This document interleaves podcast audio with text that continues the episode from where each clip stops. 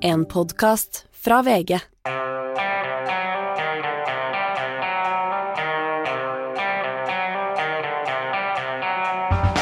Ikke visste jeg at alle disse dagene som kom og gikk, de var selve Erna Solberg-skandalen. Forrige fredag sto hun frem og fortalte at ektemannen hadde lurt henne, og at hun kan ha vært inhabil i hele sin regjeringstid. Det har stormet gjennom hele uka. I går stilte hun opp i 16, nei, 18 1-til-1-intervjuer og rundet av det hele hos Fredrik Solvang på NRK, hvor hun fikk snakke ut om den vanskelige tiden. I kveld er hun gjest på Nytt på Nytt, og om to år så flytter hun inn i statsministerboligen, og da skal Sindre Finnes bo i hundehuset. Nei da, jo da, nei da. Ok, alt det jeg sa var riktig, fram til det med at hun skal på Nytt på Nytt. Hanne, kan vi legge dette bak oss nå? Nei. Fordi? Nei, det er fortsatt mye som gjenstår. Altså, det er en mulig Økokrim-etterforskning. Det er eh, Stortingets kontroll- og konstitusjonskomité skal gå gjennom dette. Og det er fortsatt uavklarte spørsmål, og fortsatt har man ikke kartlagt nok i hvilken grad Erna Solberg kan ha vært inhabil i flere saker mens hun var statsminister gjennom åtte år. Men før vi går løs på alt det, for en prestasjon! Altså, jeg tror, jeg tror, ikke, jeg tror ikke, Jon Nesbø, når han kommer med, med ny roman og bare får hyggelige softballspørsmål, stiller opp i 18 én-til-én-intervjuer eh, på en dag. Altså, og det uansett hva hun har sagt, om hun har fått snille spørsmål eller dårlige spørsmål. eller sånt, Hun står jo der som Dovrefjell i skittstormen. Eh, og, og for en eh, utrolig spinnmestergreie fra Høyre å klare å få til dette her og lande det rigget så fjellstøtt. Ja, uansett hva man mener om saken, om man syns den er alvorlig eller ikke noe, så er den hennes opptreden i går særdeles imponerende. Jeg tenkte på, det slo meg, Oddvar Nordli sa jo sin tid om Gro Harlem Brundtland. Hun er ikke født, hun er konstruert. Den rant meg i huet når jeg så Erna gjennom dagen i går. Ja. Ok, eh, vi skal gå inn på mye av dette, men la meg bare spørre deg først. Hvor mange av de 18 intervjuene så du? Fire-fem. Fire-fem, ja. Eh, Hans Petter, hvor mange så du? Eh, fem, tror jeg. Ja. ja. Eh, Astrid? Jeg så bare fire, men jeg har um To av dem to ganger. ok. Og, og jeg så, så, fire, så vi må bare ta forbehold om at det kan ha vært noen Hvis vi nå kritiserer noen av intervjuene og sånne ting, så vi, må vi ta forbehold om at andre kan ha fått med seg dem. Altså, noen er jo da altså til, eller En god del av dem er til aviser og sånn som ikke ble, ble eh, livestreama. Men vi begynner med deg, Astrid, for du skrev den første kommentaren vi hadde om denne eh, maratonintervjuserien, og det gjorde du etter eh, Var det etter de to første at eh, du skrev den? Ja. Det var jo litt sånn uh, Oddvar Brå brakk staven-moment, bare for å ta en litt gammel referanse. Altså, jeg tror nesten hele Norge så på og var utrolig spent på hvordan Erna Solberg så ut. Hadde vært i Bergen på 60-årsdag i helga, hadde ikke vært i media. Uh, media hadde jakta på og stilt opp på flyplassen på Gardermoen på onsdag, for da visste media at hun kom tilbake til Oslo. Og så bam, bam, bam, var ikke noe problem å få henne i tale. Nei, tvert om, hun hadde gjort 17 avtaler eller 20 eller hva det var, og skulle stille opp i absolutt alle kanaler. Eh, og jeg syns jeg så med en gang at eh, det her eh, Vi snakka litt om det på forhånd, Anders, at det kan jo gå eh, begge veier. Kan gå skikkelig dårlig, kan være sur, øh, hoverende, detaljfokusert, men øh, hun var jo ja, terningkast seks, får jeg vel si, bare. Ja, på hennes opptreden? Ja, tenk at eh, noen du vil bli leda av i, et, eh, i, en periode med storm, så er det vel det Erna Solberg som står fjellstøtt til og med gjennom en sånn ekteskapskrise der eh, hun er svikta av sin aller nærmeste, den eh, som har jobba tettest med henne, vil jeg si, som har jobba i 20 år for at hun skal bli statsminister. Sin egen ektemann, ikke engang han. Eh, hun hvordan hun stoler på, det må jo være forferdelig vanskelig. Og da spiller det ikke noen rolle at han eh, på bakrommet sitter og vedder på at norsk økonomi skal gå dunken, og at eh, ekteparet skal bli rike på det? Jeg tenker at uh, For å lage god TV og eh, lage gode intervju, så så vi det i går kveld med Fredrik Solberg på Debatten. Det folk er opptatt av, er jo ekteskapsdrama. Det er jo litt ja. urettferdig ja, Vi skal la HP ta Fredrik Solvang-biten. Og, og, fordi eh, du avslutta eh, kommentatorstafetten. Altså, vi føler at dere jobba mye i går, men dere var altså, eh, kom, kommenterte eh, noen av disse intervjuene, og hun gjennomførte dem. Men eh, Hans Petter, du og mange andre journalister, tror jeg særlig, følte at det ble et ordentlig antiklimaks, det intervjuet til Fredrik Solvang? Eh, ja, det, det ble det. For det, det det, det, store programmet, da. Den store finale, le grand finale ikke sant, på hele den maratonløpet hennes. Eh, og da burde da, etter mitt syn, det, blitt, altså det som når ut til flest mulig seere, og det som er det store intervjuet, burde jo blitt brukt til å snakke politikk og snakke om eh, Kjørt et hardtalk-intervju om, om hva det her saken egentlig handler om. fordi det Høyre er jo veldig veldig fornøyd med at det her handler om Sindre og ekteskapet og den slags. og blir sånn intimtyranniserende spørsmål om skal dere skilles og sånn. ikke sant? Blir, da blir det på en måte litt sånn Lindmo Er du flink nok til å ta vare på deg selv? Ja, ikke sant? og da blir det litt sånn Lindmo Uten å si noe stygt om Lindmo, men det er et annet konsept da, eh, over det. ikke sant? Og det blir litt sånn litt Se og Hør, og det blir liksom alle sakene sauses sammen, og så blir det Til slutt så sitter jeg igjen litt sånn nummen og tenker hva var det egentlig det her, styret her egentlig handla om? da? Men jeg vil en ting til, bare, sånn, bare, jeg må få sagt det, for jeg var så ivrig når du, du snakka om det i stad. nemlig at Det der at det, jo, det Høyre ville vise oss i går, var jo at vi skal sitte her nå og si hvor utrolig imponerende det var av Erna Solberg. Hun sitter vi blir spunnet! Og hun er så flink, hun er så rolig, og hun svarer ordentlig. Hun er, men det er, jo, det er, jo, sånn Erna Solberg er. Hun er jo, har jo nesten ikke puls, dama. Hun er den roligste personen i kanskje hele verden. Og det er hun skapt for en sånn situasjon. Du kan sitte sånn her. Og, så, så, og, og, alle i Høyre må ha visst at vi satt der dagen etterpå og sa oi, så utrolig imponerende. Cato Husabø Fossen, du spiller oss som en fiolin. Uh, Men det er jo sant, da! Hva? er det for slags spill? Nå er jo sånn! Ja, men hun er jo sånn, men, men, greia her er jo, og det må jeg si, og, og til NRKs forsvar, altså det til Fredrik Solvang, jeg var overrasket over at det var såpass, det var ikke noe dårlig intervju, men at det var såpass lite konfronterende. Jeg tenkte liksom at oi, jeg hadde blitt enda mer imponert, hvis hun hadde gått i mål der med et ordentlig Fredrik Solvang-intervju, for han kan være en av de absolutt verste å, å komme ut for der. Men det beste av de jeg så, som altså var rundt 30% av dem, var jo Mats Rønning.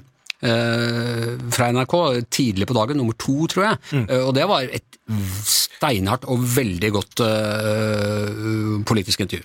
Nei, jeg er enig med Astrid. Altså, poenget er at Erna Solberg er imponerende og uavhengig. Jeg syns den saken er kjempealvorlig. Jeg har hele tiden sagt at jeg ikke tror hun kan overleve dette. Nå har jeg kanskje litt mer snudd. Kanskje hun faktisk klarer å stå gjennom. Du er spunnet, du òg. Nei, altså, nei, jeg mener fortsatt at den er kjempealvorlig, men jeg tror at hun nettopp dette er hennes styrke. Hun er imponerende. Man må kunne si at hun er imponerende gjennom den dagen uten at det betyr at du lar deg spinne. Og så vil jeg si til Fredrik Solvangs forsvar.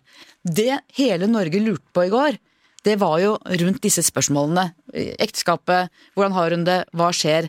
Sånn sett så syns jeg det var TV-faglig et veldig godt intervju. og han, hun hadde jo fått alle skriftspørsmålene gjennom hele dagen. 17 andre intervjuer. Så jeg er ja, men, jeg synes, La meg snakke ferdig nå, Hans Petter. Jeg syns du skrev en veldig god kommentar, men jeg er uenig med deg. Jo, men Poenget er bare at vi har jo Det er jo, det er jo sånne syke folk som oss som sitter og ser på intervju etter intervju etter intervju. Ingen andre gjør det! det ikke, engang, ikke, ikke engang vi gjør det! Og da er det klart at det er et stort spør... Det er det her som er det store intervjuet på hele dagen, som skal på en måte summere opp hele saken, og så blir det litt sånn kosete. Det var rett før Fredrik, som jeg ellers er veldig glad i, jeg syns er en veldig dyktig fyr, rett før han tente lys i studio, ikke sant? og det, det, var, det ble en veldig cozy stemning, da, og det syns jeg er en veldig rar avslutning på en sånn dag. Du trakk jo fram, eh, og her må jeg melde meg litt inhabil, for han er en god venn av meg, Fredrik Skavlan, men hans Valla-intervju eh, i sin tid. Eh, hvor han hadde Geir Liv Valla etter at den store skandalen hadde sprukket om hun, eh, hvordan hun oppførte seg. Og vi, alle vi andre journalister i, uh, var sinte over at hun, hun, går til et underholdningsprogram for å snakke ut og liksom sånne ting. Og han kjørte henne jo veldig, veldig hardt den gangen. Ja, og det var jo liksom et litt annet utgangspunkt, da, for da var, som du sier, da var, trodde alle at da skulle Valla komme unna ved å ta et sånt koseintervju, da. Og så kjørte Skavlan en sånn nesten en sånn Schofeld-intervju som var beinhardt. Ah, men, men, det var veldig, veldig bra, altså. Og, det, og det, det, var jo et av de et øyeblikk som også var med på å vippe kanskje den saken også. Men han gjorde det samme med, Jimmy Åkesson også, da lederen for Sverigedemokraterna. Så møtte opp i et talkshow for å snakke litt om, sikkert om familien og sånne ting, da, ikke sant? og så ble han grilla beinhardt på politikk. Så det går an å gjøre det i en sånn talkshow-sammenheng også. Og så er det jo klart, det var jo ikke noe debatten i går, det var jo bare et intervju. De satt i hver sin lenestol, så det var liksom Det var en litt Jeg skudde på debatten og fikk Lindmo, det var min følelse i hvert fall. Nei, altså når du sier at det er bare debatten folk ser på Jeg tror i går, når det gikk ut push-varsler fra alle om at hun skulle intervjues Jeg har ikke sett de endelige seertallene, men jeg har mistanke om at folk så veldig mye på VG-intervjuet, på E24-intervjuet, på NRK-intervjuet, at folk var veldig nysgjerrige. Men du skjønner det, Hanna, han, at folk jobber på den tida. Det er ikke sånn jobb som også du kan sitte og se på TV på formiddagen. Men alle har en mobiltelefon i lomma. Jeg tror de fleste kanskje til og med gikk på do og kikka litt innom bare for å få det med seg. Alle har vært spent på hvordan er det med Erna Solberg nå. Og de første intervjuene som gikk gjennom dagen, det er klart det massevis av folk som så på de. Så nei, jeg vil si at jeg syns eh, Fredrik Solvang sitt eh, intervju fortalte oss noe annet enn alle de andre intervjuene som har gått gjennom den dagen. Vi fikk se en annen Hadde det ikke vært mulig å gjøre litt av begge deler her? Altså, jeg synes det var øh, mange interessante ting han spurte henne om, men jeg savnet jo veldig litt av det Mats Rønning Uh, klarte å ta. Altså, og, og jeg må si som Hans, Hans Andreas Limi, som har egentlig vært min favoritt i, i hele denne saken, Fremskrittspartiets parlamentariske leder, dette er en habilitetssak, og det dreier seg om å ta ansvar for habilitet, og da blir liksom, selv om det er pikant øh, å- få høre, og smart av Høyre å få henne til å snakke om øh, intime ting, øh, dette har jo vært øh, Erna Solbergs styrke hele veien, vise fram hjemmet sitt og at det er rotete hjemme og liksom eh, sånne ting. Eh, det er smart, men det er jo ikke egentlig det dette dreier seg om. Nei, helt enig, Anders. Helt enig. Dette er en habilitetssak. Det er ikke Sindre Finnes-saken, det er Erna Solberg-saken. Jeg skriver i morgen om at nå er det prosjekt Redd Erna, hvor Høyre ganske kynisk eh, er opptatt av at de vil redde Erna så lenge hun gir dem nok stemmer. At det er at man gir tilsynelatende liksom blaffen innad i Høyre i sakens alvor, som er nettopp en habilitetssak.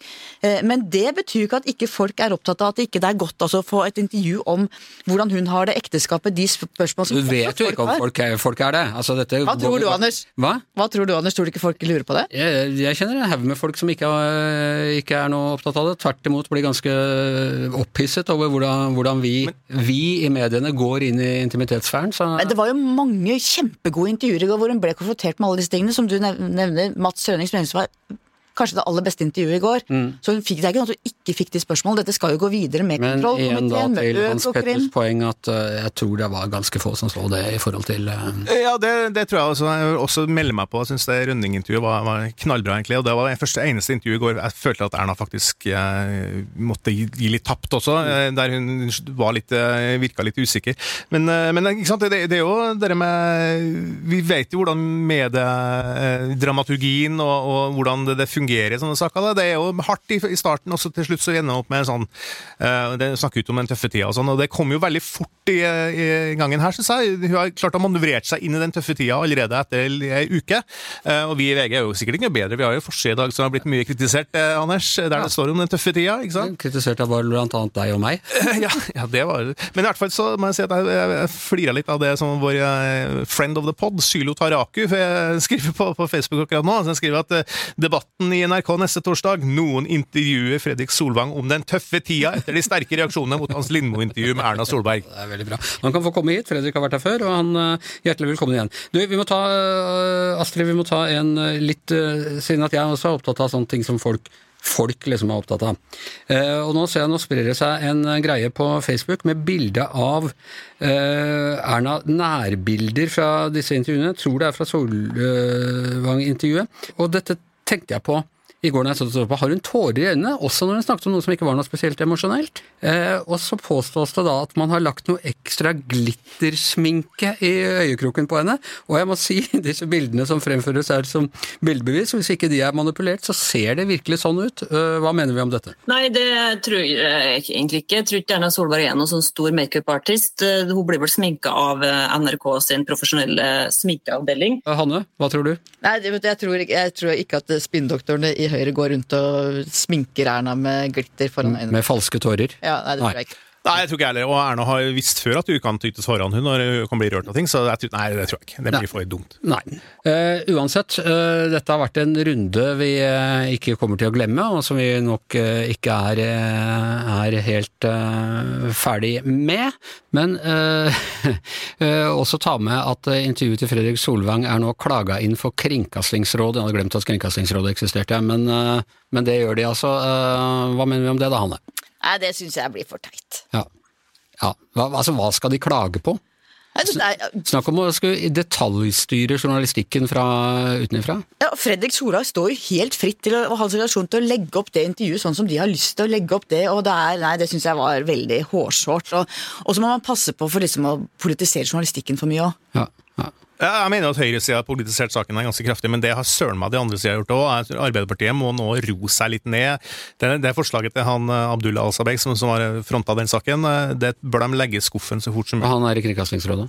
Han er varamedlem, så vidt jeg forstår. Eh, Men Kringkastingsrådet er jo en interessant institusjon. Den finnes fortsatt og ledes av vår venn av det pod, Snorre Valen, er leder der. Ja. Og han er uh, varaordfører i Oslo for Arbeiderpartiet. Ja, det sa du kanskje. Nei, det sa jeg ikke, men det, det har jo også litt med saken å gjøre. Men dere, før, øh, før vi slipper dette her altså, Jeg våkna i morges eh, rimelig gira opp over, eh, over alle disse intervjuene og alt som hadde skjedd, og all krangel på avdelinga og alt det måtte være. Så øh, venter jeg spent på hva som er toppnyhetene på NRK. Hvilken vinkel har de funnet på dette? Det er at Martin Kolberg mener at det er krise i Arbeiderpartiet. Hanne, den, den så jeg ikke komme. Og min første tanke var hva ville Martin Kolberg, hvis han hadde vært partisekretær i dag, tenkt om at en gammel nestor gikk ut mot Arbeiderpartiet sitt eget parti den slutten av denne uka hvor Høyre endelig ligger på grillen, hvor det virkelig er Høyre som endelig etter så mange års suksess er i deep shit, og så kommer da gamlesekretæren og sier at Arbeiderpartiet er i krise og bare vrir fokus. Hvis Martin Kolberg i dag hadde vært partisekretær, han tror han hadde han hadde vært i fistel, han hadde vært så forbanna at han hadde ikke visst hva han skulle gjort av seg. Tror du vår gamle venn Martin savner seg selv i politikken? Det er fascinerende med alle disse som eh, savner seg selv i politikken. Og jeg, vi diskuterte på morgenmøtet i dag, det er jo Jeg kan bare komme på menn ja, som eh, gjør det. Ja. Enten det er i politikk eller journalistikk. Vi har sett noen gamle journalister også, som også savner seg selv og er sure og grinete over hvordan ting er blitt i dag. Og For å koble det litt over til, Erna, vet du, så det, jeg tenkte på litt etter at du sa det, Hanne, for det er jo helt, det er jo helt sant, det er jo verdens dummeste timing av eh, Kolberg og sånn, er jo at menn generelt, Anders, vi er jo mer føle, mer sentimentale, ikke sant? Ja, kvinner, er kvinner er hardere og, og tøffere og tar det. Så du så jo hvordan Erna har, har behandla Sindre i denne saken her, sant? Det det er et eller annet fascinerende der, altså, og det tror jeg kanskje han må savne seg sjøl med de, som du ser, de gamle journalistene her. Altså, det er noe sånn sentimentalt over det. Og jeg tenker at i, sånn på 90-tallet og sånne ting, når mannlige politikere Terje Rød Larsen for eksempel og sånne ting, og han øh, gikk og sa at dette har jeg ikke fortjent, og så gjorde han seg utilgjengelig, og så stilte han opp på ett intervju, og det var hos Per Ståle Lønning og sånn 'Hvordan har du det nå?' Mens Erna tar altså Man må jo kunne si da, det må også du som ikke likte det intervjuet, må du si unne henne å få ett sånt intervju. Ja da, men hun dagen. var ikke på rett. Altså, hun hadde flere av de der i går. og bare si igjen. okay, altså, bare, bare si igjen altså, Erna er selvfølgelig utrolig imponerende. Det er ikke noe annet å si om det. Nei. Ok, eh, resten av sendinga skal også dreie seg om det, men nå med en litt annen vinkling. Da bobler det godt i Oslo-gryta. Da vet vi at det er medieboblene som eh, stiger til overflaten, og med dem så stiger også du opp og inn i studio her, Gard Stereo. Ja, og denne uken er det store bobler, Anders. Det er veldig store bobler. Det er nesten interessant for flere enn bare journalister denne uka. Ja, jeg, tror- kanskje det, denne uken her. Ja. Uh, og det er jo fordi det selvfølgelig da henger sammen med, med politikk og svært kjente mennesker og uh, Erna Solberg. Og vi satt jo her uh, forrige fredag, etter at hun hadde hatt den første uh, pressekonferansen, snakket mye om det, men også om en liten tendens vi da bare hadde observert på eh, sosiale medier, til at noen igjen da gjerne ville gi mediene litt skylden, og mente at mediene bevisst hadde holdt tilbake denne nyheten uh, før valget. Den påstanden fikk noe litt uh, kraftige forsterkere etter at du hadde gått ut av studio. Ja, de gjorde den. Da vi sa, så var det liksom tendenser på Twitter og Facebook om dette. Og så gikk, var det flere Altså at vi skulle, eller mediene skulle ha holdt tilbake denne informasjonen Ja, det- for at ikke Høyre skulle tape. Det var en antydning, vil jeg si. Mer enn en antydning. Jeg bare spør hva den der gjorde. sant? Var det sånn at mediene satt på den opplysningen og holdt den da tilbake? Eh, den kom jo fra venstresiden, da, og som underforstått her prøvde man å skjerme Høyre og hjelpe Høyre i valgkampinnspurten ved å holde dette tilbake. Det var altså, det, Raymond Johansen var ute på Facebook og sa dette, slettet riktignok innlegget sitt veldig raskt. Og så kom jo Jeg tror ikke han hadde vært ute ennå da vi så, Nei, det var vel Det var på ettermiddagen. ja. Ja. Altså, det gikk jo Det, gikk jo, det var disse anklagene, og så var det denne 'valget er stjålet'-anklagene som Ja. kom liksom i samme rennet. Og så kom jo Peggy Hessen Følsvik i et intervju på NRK. Selveste LO-sjefen. Ja. eh, og sa noe lignende. sant? Altså At her må mediene gå i seg sjøl. Og da gjorde du, sammen med Lars Håkon Grønning, som er eh, redaktør for eh, vår søsterbedrift eh, E24, noe dere redaktører ganske sjelden gjør. Vi snakket jo om hvordan det, du leder, og du, har ikke, du vet ikke alltid engang hva som står på lederplass og sånn, men her, her skrev du sjøl, Gard, Ja. dette oppropet, så tenk deg om neste gang, Peggy. Ja, altså Her slo vi ganske hardt tilbake, og det var jo fordi at det var ikke bare rettet mot eh, mot LO-lederen, selv om hun er en veldig tung aktør. Men det var jo òg for å si fra både til henne og andre som kom med den type antydninger. Eh, For det første er de feil. De var feil for vårt vedkommende. Men det andre så er de, de er ganske alvorlige når de kommer fra eh, sentrale politikere. Fordi at det, altså det man prøver å skape et bilde av da, det er jo at media holder tilbake informasjon av politiske årsaker. Og den type retorikk den kjenner vi igjen særlig fra USA, der eh, republikanerne og Donald Trump har brukt dette sånn helt aktivt å, altså som et politisk virkemiddel. Og vi vet at dette svekker ikke bare tilliten til mediene, det svekker òg tilliten til institusjonene og til hele det politiske systemet. Og det politiserer også mediene etter hvert, for de får en fiende i presidenten, og hvordan skal de håndtere det? Helt riktig. Så det er, veldig, veldig, det er en veldig farlig eh, påstand. Og hvis det var sånn at dette hadde skjedd, så er det nå for så vidt Da er det jo helt riktig å påpeke det, men det syns man skal være ganske varsom med, iallfall når man sitter i en så, sånne posisjoner. Det er å bare antyde det, for det skaper en mistenksomhet. Og det vi vet, altså det er gjort forskning på dette, der man har sett dette med mediekritikk, og sett på mediekritikk, og sammenholdt det med tillit til mediene. Og da ser man en, altså ser man en klar da, tendens til at i de landene der politikere driver med den type angrep på mediene, så svekkes tilliten også til mediene. Og det, det være, så det skal man være veldig bevisst. Og så vil jeg skynde meg å si at uh, LO-lederen gikk jo ut bare timer etter jeg og Lars Håkon skrev denne teksten, og presiserte at det var ikke det hun mente. Som jeg syns var reelt og ryddig gjort. Og hun ga også en slags forklaring på hvordan, øh, hvordan øh, uttalelsen hadde falt på den måten. Hun var egentlig i NRK og snakket om noe helt annet. Og, ja. Ja, og det, og det synes, og det, var et, det var ikke et planlagt Nei, og, det, og, og så tenker jeg som så, ja ok, det, er fine with me. Ja. Så det det syns jeg var reelt og ryddig gjort av henne. Akkurat som jeg syns at Raymond Johansen gikk ut i dag og altså beklaget sitt innlegg og begrunnet hvorfor han mente det var feil. Mm. Som var jo en argumentasjon som er temmelig lik min, så den støtter jeg jo ikke over, Det er ikke så overraskende at jeg støtter den, men det syns jeg er bra. Ja. At politikere som skjønner eh, altså, kon, altså konsekvensen av et uheldig utspill, at de faktisk går ut og beklager det, Ja. det syns jeg er bra. Og så kan man jo skjønne en viss øh, frustrasjon, selvfølgelig, blant uh, valgets apere. Og dette, dette begge, altså begge disse uttalelsene skjer jo i, et, uh, i, et, i noen timer der de er utrolig frustrerte og opprørte og sinte. Eh, men akkurat da må de sentrale politikerne da må de puste med magen og sitte på hendene sine og bare holde kjeft akkurat i den Ikke gå på Twitter akkurat da. Nei, altså, og det, det er ikke så, altså, om det er en eller annen backbencher som gjør dette, så, så bryr jeg meg ikke så mye om det. Men det er klart når du kommer fra byrådslederen i, eller avtroppende byrådsleder i Oslo, LO-lederen, så, så er det en veldig tyngde i det. Ja. Men du, eh, jeg har lyst til å presentere deg da for eh, eh, et dilemma, og prøve å illustrere hvor vanskelig en redaktørjobb kan være. La oss si at vi satt på den nyheten at du hadde fått den nyheten ferdig, 3600 aksjehandler fra Sindre Finnes i den tiden hans kone var statsminister, eh, mange av dem foretatt fra statsministerboligen under pandemien, i det hele tatt en bombe av en sak. Du har den, den er ferdigsjekka og, og helt klar til publisering på søndag. Er, har du noen som helst motforestillinger mot å droppe den på en eh, valgdag? Eh, Det er, argumenter, det, det, det er argumenter mot det. Altså Det viktigste argumentet mot det er jo uh, at man da går inn og slipper denne bomben helt oppi valget, at det kan ta vekk helt fokus fra valget, selvfølgelig kan noen si. At det forstyrrer valgkampinnspurten, at det, ikke at det tar helt vekk fokus fra valget. Men jeg vil si at hvis det hadde skjedd, så hadde jeg åpenbart publisert det. Du hadde fått adskillig mye mer kjeft da enn du, eh, du fikk eh, nå fra, fra Raymond Johansen. Ja, jeg ville fått veldig mye kjeft, men, eh, men jeg skal forklare hvorfor jeg mener det er riktig. Og, det er, og jeg tror kanskje vi har lært at jeg er særlig bevisst rundt en valgdag. Fordi at det vi kan gjøre, det er å vurdere om har det vi skriver offentlig interesse. Og da må vi tenke sånn at hvis det har offentlig interesse, så bør vi få det ut så fort som mulig. Og det at vi skal begynne å tenke hvordan påvirker dette valget? Jeg tror vi skal være veldig forsiktige med det. Fordi at da vil, Hvis vi gjør det, og begrunner dette på at vi ønsket ikke å forstyrre valgkampinnspurten, eller dette var en stor belastning inn i valgkampinnspurten Det er mange argumenter mot å publisere.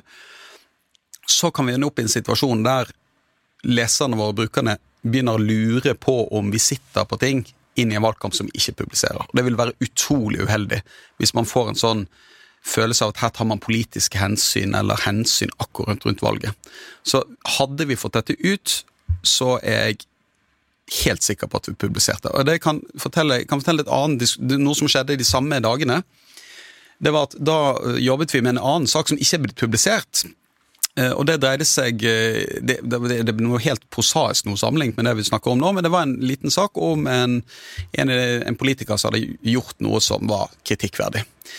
Uh, og Den saken vurderte vi og jobbet ut, og besluttet da at dette publiserer vi ikke, for det hadde ikke offentlig interesse. Det er ikke alle feil politikere gjør som har offentlig interesse. Om en politiker som kjører for fort eller uh, Kline på julebordet.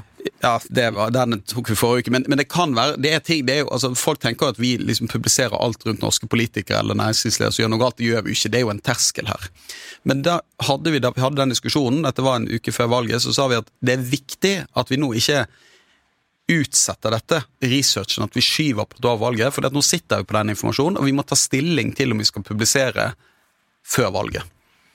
Og det, er, det tror jeg er viktig at vi, vi, gjør. Men da publiserte du den da heller ikke etter nei, valget? Nei, den saken, det var rett og slett fordi den ikke var sak, den nådde Det var ikke en sak, nei. den nådde ikke opp. Men, men, poenget i den diskusjonen så var det faktisk et poeng da vi diskuterte det. Eh, for det kunne jo vært et argument og sagt at dette er en bitte liten eh, sak, og hvis vi publiserte det, så var det ødeleggende for det partiet inn i valgkampinnspurten. Ja. Men det som var jeg og de som diskuterte, var helt tydelige på at det er ikke et argument. Det er virkelig ikke et argument. Vi, når, den saken, når vi er klare til å ta en publiseringstidsbeslutning om den saken, så tar vi det uavhengig av valget. Men la oss si at uh, du hadde publisert denne her, og så er du på debatten overalt, og, mange hisser seg opp, og særlig på eh, borgerlig side. Her stiller liksom flere hundre ordførere, det har slitt hele valgkampen, stiller til valg. Så tar VG og slipper en slik drittpakke uh, mot Men det er ikke vårt problem. Vårt, det ville blitt litt problem ja, hvis du måtte stå og forsvare det. Jo, jeg ville fått kjeft, men vårt, da ville jeg sagt at vårt mediens ansvar det å bringe ut informasjon som har offentlig interesse. Og hvis vi skal begynne å tenke taktisk rundt uh, hvordan dette påvirker valgkamper og sånt, da, mister vi tilliten vår. Og vil, det ville vært veldig vanskelig for oss hvis vi hadde stått her i dag og sagt og sittet på denne saken og sagt at vi, nei, men vi venter nå til over valget, sånn at vi ikke, sånn at vi ikke forkludrer det. Så får vi ta det etter ettertid. Du ville jo alltid kunne sagt at uh, det manglet et par sitatsjekker, eller uh... Ja, men det, det, er derfor jeg sier, understreker det andre poenget, at jeg tror nettopp i en sånn situasjon så vil man bli veldig opptatt av å prøve å løse dette før valget for ikke bli beskyldt. For ikke skape en mistanke om at man har tatt politisk hensyn. Men du ville bli mistenkt for politisk hensyn andre veien òg. Det er nok av folk som mener at uh, mediene er venstrevridde og øh, prøver å sabotere borgerlig samarbeid. Ja, men nå skal du huske at gjennom hele sommeren så har man publisert den ene kritiske saken etter den andre om øh, statsråder i Støre-regjeringen. sant? Og det er jo to har, to har, gått av, og to andre har fått eh, massiv kritikk. sant, mediesakene, sånn, vi kunne jo ikke, sånn kan alltid være. Det, det eneste argumentet Ja da, du har overbevist meg. Ja, eneste, nei, men jeg tror, jeg tror, alle, hvis man ser liksom de, det, det, som kan skje rundt en sånn valgkamp, det er at man tar et dypt menneskelig hensyn. Det kan jo være Nå tror jeg det ville vært umulig i en sak av denne, denne Erna Solberg-saken. altså ikke, det, det, det, er så, det, er så, viktig at jeg kunne ikke gjort Men du kunne sett for deg at tok menneskelig hensyn. Det ja. kunne man gjort. da. Men du, jeg spør også fordi eh, jeg trekker stadig fram min, min, høye alder og min lange erfaring fra, fra norsk presse. Lang erfaring er en veldig forse, vet du, Anders. Det er det. det er det. Jeg jobba da i Aftenposten for 30 eh, år siden, i, eh, under valget i 1993.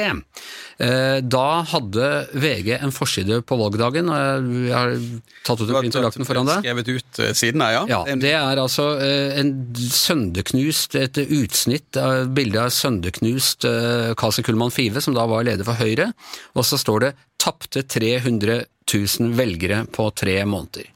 Eh, den sto over hele VGs forside. VGs papirforside den gangen var noe litt annet enn den er eh, i dag. Eh, det ble sett på som en innblanding, eller ja, som en utidig måte å eh, gå inn og påvirke valget på eh, fra VGs side. Ikke minst var man bestyrtet i Aftenposten, som jo da ennå mm, den gang sto litt nærmere å være en, en høyreavis. I dag er jo en venstreavis, har vi lest. Ja, ja nå, de har jo de har jo blitt er radikalisert, eller deradikalisert, eller hva vi skal si. Men, men, men i hvert fall, og, og, ikke egentlig bare altså De fikk støtte langt inn på Arbeiderpartiside der. Og Hva tenker du om en sånn altså, du, bør legge ut denne, du bør jo legge ut denne siden på ja, til dine lesere. Så de får sett den. Ja, det får du gjøre. Nei, dette er jo en Jeg skal ikke si det er en ikonisk, men det er en historisk VG-forside. En av de som, selv om jeg ikke jobbet der, som jeg lenge før jeg begynte der òg kjente godt til, og har vært en veldig omdiskutert.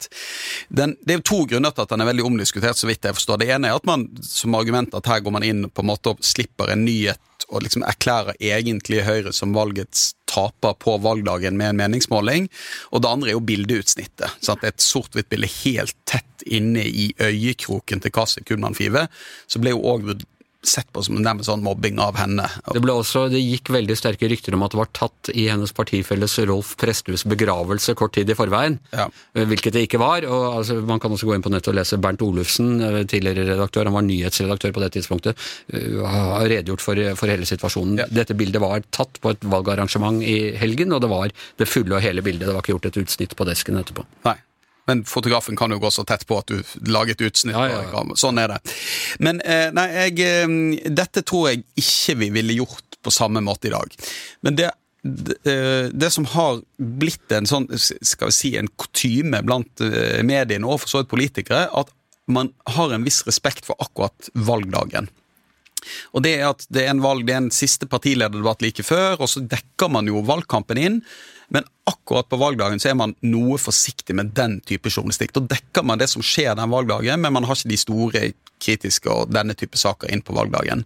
Det er jo, ikke, det er jo regler for hvor, om vi å publisere sånne valgdagsmålinger har vi jo rett og slett ikke lov til å gjøre, og man kan ikke slippe noen resultater uh, før klokken ni når lokalene er stengt.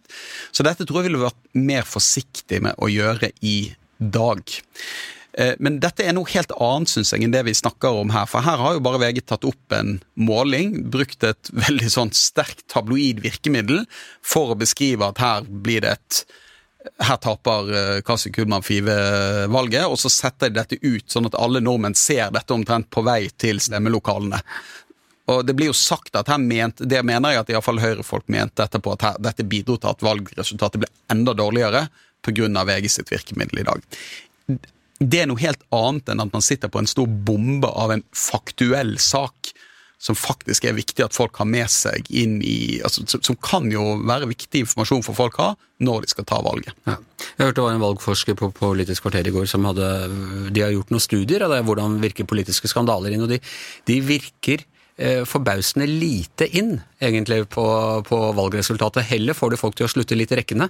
Eh, så at hvis, Dette er jo helt spekulasjon fra min side, men hadde VG eller noen andre sluppet denne saken på valgdagen, så er det større sjanse for at Høyre hadde slutt, Eh, høyrevelgere hadde, hadde, sluttet rekkene og, og stem, fortsatt å stemme på Høyre, ja. enn å Og nei, vet du hva, da stemmer jeg heller på Venstre, eller noe. Ja, altså det, det er mye som kunne skjedd. Altså, jeg syns det var veldig interessant, og jeg syns òg det kom jo en tillitsmåling nå uh, li, rett, Den er tatt opp like før sommeren, da, som riktignok før sommerens politikerskandaler, men det har vært nok av politiske skandaler de siste årene, så viste høy tillit til norske stortingsrepresentanter. Ja.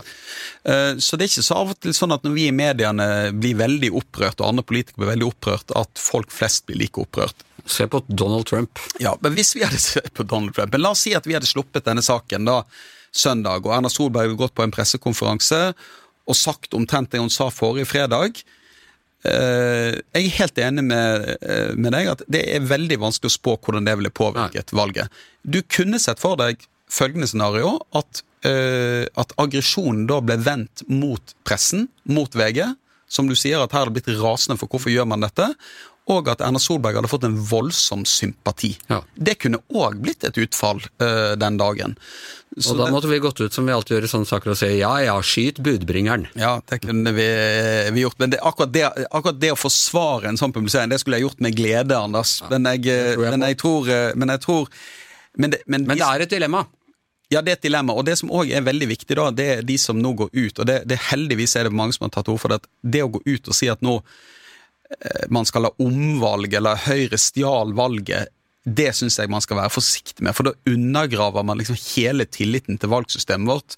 Det man kan med rette mener jeg stille spørsmål ved, og kritisere både Erna Solberg og Høyre for, det var om de gjorde nok i valgkampinnspurten for å få denne informasjonen eh, klar og ut til folket. Ja, og det har vi stort sett eh, gjort hele denne uka. Du, eh, En ting jeg vil nevne litt på tampen. altså Du, du gikk ut sammen med Lars Håkon eh, Grønning, tidligere VG-journalist, men har vært sånn publisher vel for eh, E24 en god stund nå. Ja. Eh, E24 har vært en, en del av VG-systemet i eh, i 20 år. Eh, Lenge, Sånn. ja. ja lenge. Eh, og de har vært eh, litt sånn eh, lillebror i eh, finansjournalistikken i Norge. Dagens Næringsliv er det store, Finansavisen har, har vært kraftig. E24 har i løpet av denne sommeren og fra noen eh, sommervikarer avslørt denne Ola Borten Moe-saken, steget opp til å bli Kanskje det viktigste mediet eh, I denne saken her, ja. i, i, disse, I disse sakene, vil jeg si. Ja. Eh, Det er de som har hatt de store avsløringene. Eh, Det var eh, to reportere fra, fra eh, E24 som fikk åpne ballet i går og, og eh, intervjue Erna Solberg aller først. Jeg går ut fra at du gleder deg over dette. Er det også noe som trigger et konkurransegen? Nei. Søren, er de i ferd med å gå forbi oss her? Nei, Hvorfor har nei, ikke vi nei, nei. de nyhetene? Altså, VG, VG er jo stolt eier av E24 og samarbeider tett med E24. og har, Vi har investert mye i E24. og Om det kommer et slaveoppgjør? Oppgjør, eh, Ja, Nei, det tror jeg ikke det gjør. at disse, disse to avisene henger sammen. eh, Og vi samarbeider veldig tett, og vi jobber jo òg sammen om denne saken her. Men det gleder meg stort at eh, E24 lykkes med dette. Både fordi at det er viktig for VG at E24 lykkes, men også fordi det er utrolig bra at vi får flere miljøer i Norge som klarer å jobbe i skjæringspunktet mellom næringsliv og politikk. Det er bare utrolig viktig for hele mediemangfoldet. Så jeg gleder meg bare enormt og er veldig imponert over det. Og så er det ofte det Det er jo av og til det som skjer når man liksom, Når et medium får liksom eh, tak i en sak, så kan de jo miste den saken ofte. Det har vi sett flere ganger, at en, litt, en mindre avis da griper, får en stor avsløring, Okay, og så overtar da NRK eller VG eller TV 2 eller Aftenposten sakskomplekset og blir drivende framover. Det som er veldig imponerende med E24 her, det er at de har klart å holde seg i denne i sakskomplekset. Riktignok andre som har hatt viktige saker eh, inn i dette sakskomplekset, men E24 har vært, har vært førende helt fra Borten Moe til eh, nå denne sak eh, til eh, Erna Solberg i går gikk og sto på press og snakket med pressen. Og sakene deres publiseres jo også innimellom i Aftenposten. Jeg har sett noen har referert til Aftenposten-avsløringen av ditt og datt, som da er en E24. Frustrerer ikke det deg bitte lite grann? Det kan, det kan frustrere meg eh, noen ganger, Anders, men da tenker jeg sånn at dette tror jeg det bare er jeg og du og vi som sitter innerst i den minste medieboblen som Ja, det er bryr det seg om dreier seg om. Dette dreier seg om medieboblen og hvordan vi føler så har det Jeg tror vi skal. Akkurat nå så skal vi, så skal vi se at mediene med E24 i spissen samlet har stått for en veldig viktig politisk eh, avsløring her. Eh, det skal vi eh, være stolt av. Ja. Og eh, må si gratulerer og hatten av til våre kolleger i E24 som har gjort denne fantastiske Hatten jobben. Hatten av, selv om vi ikke har noe hatt på.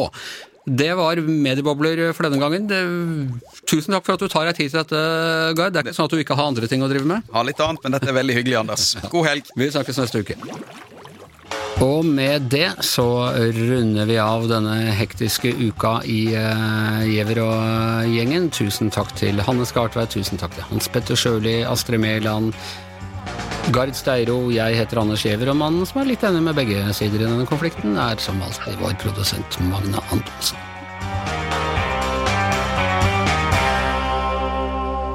Du har hørt en podkast fra VG.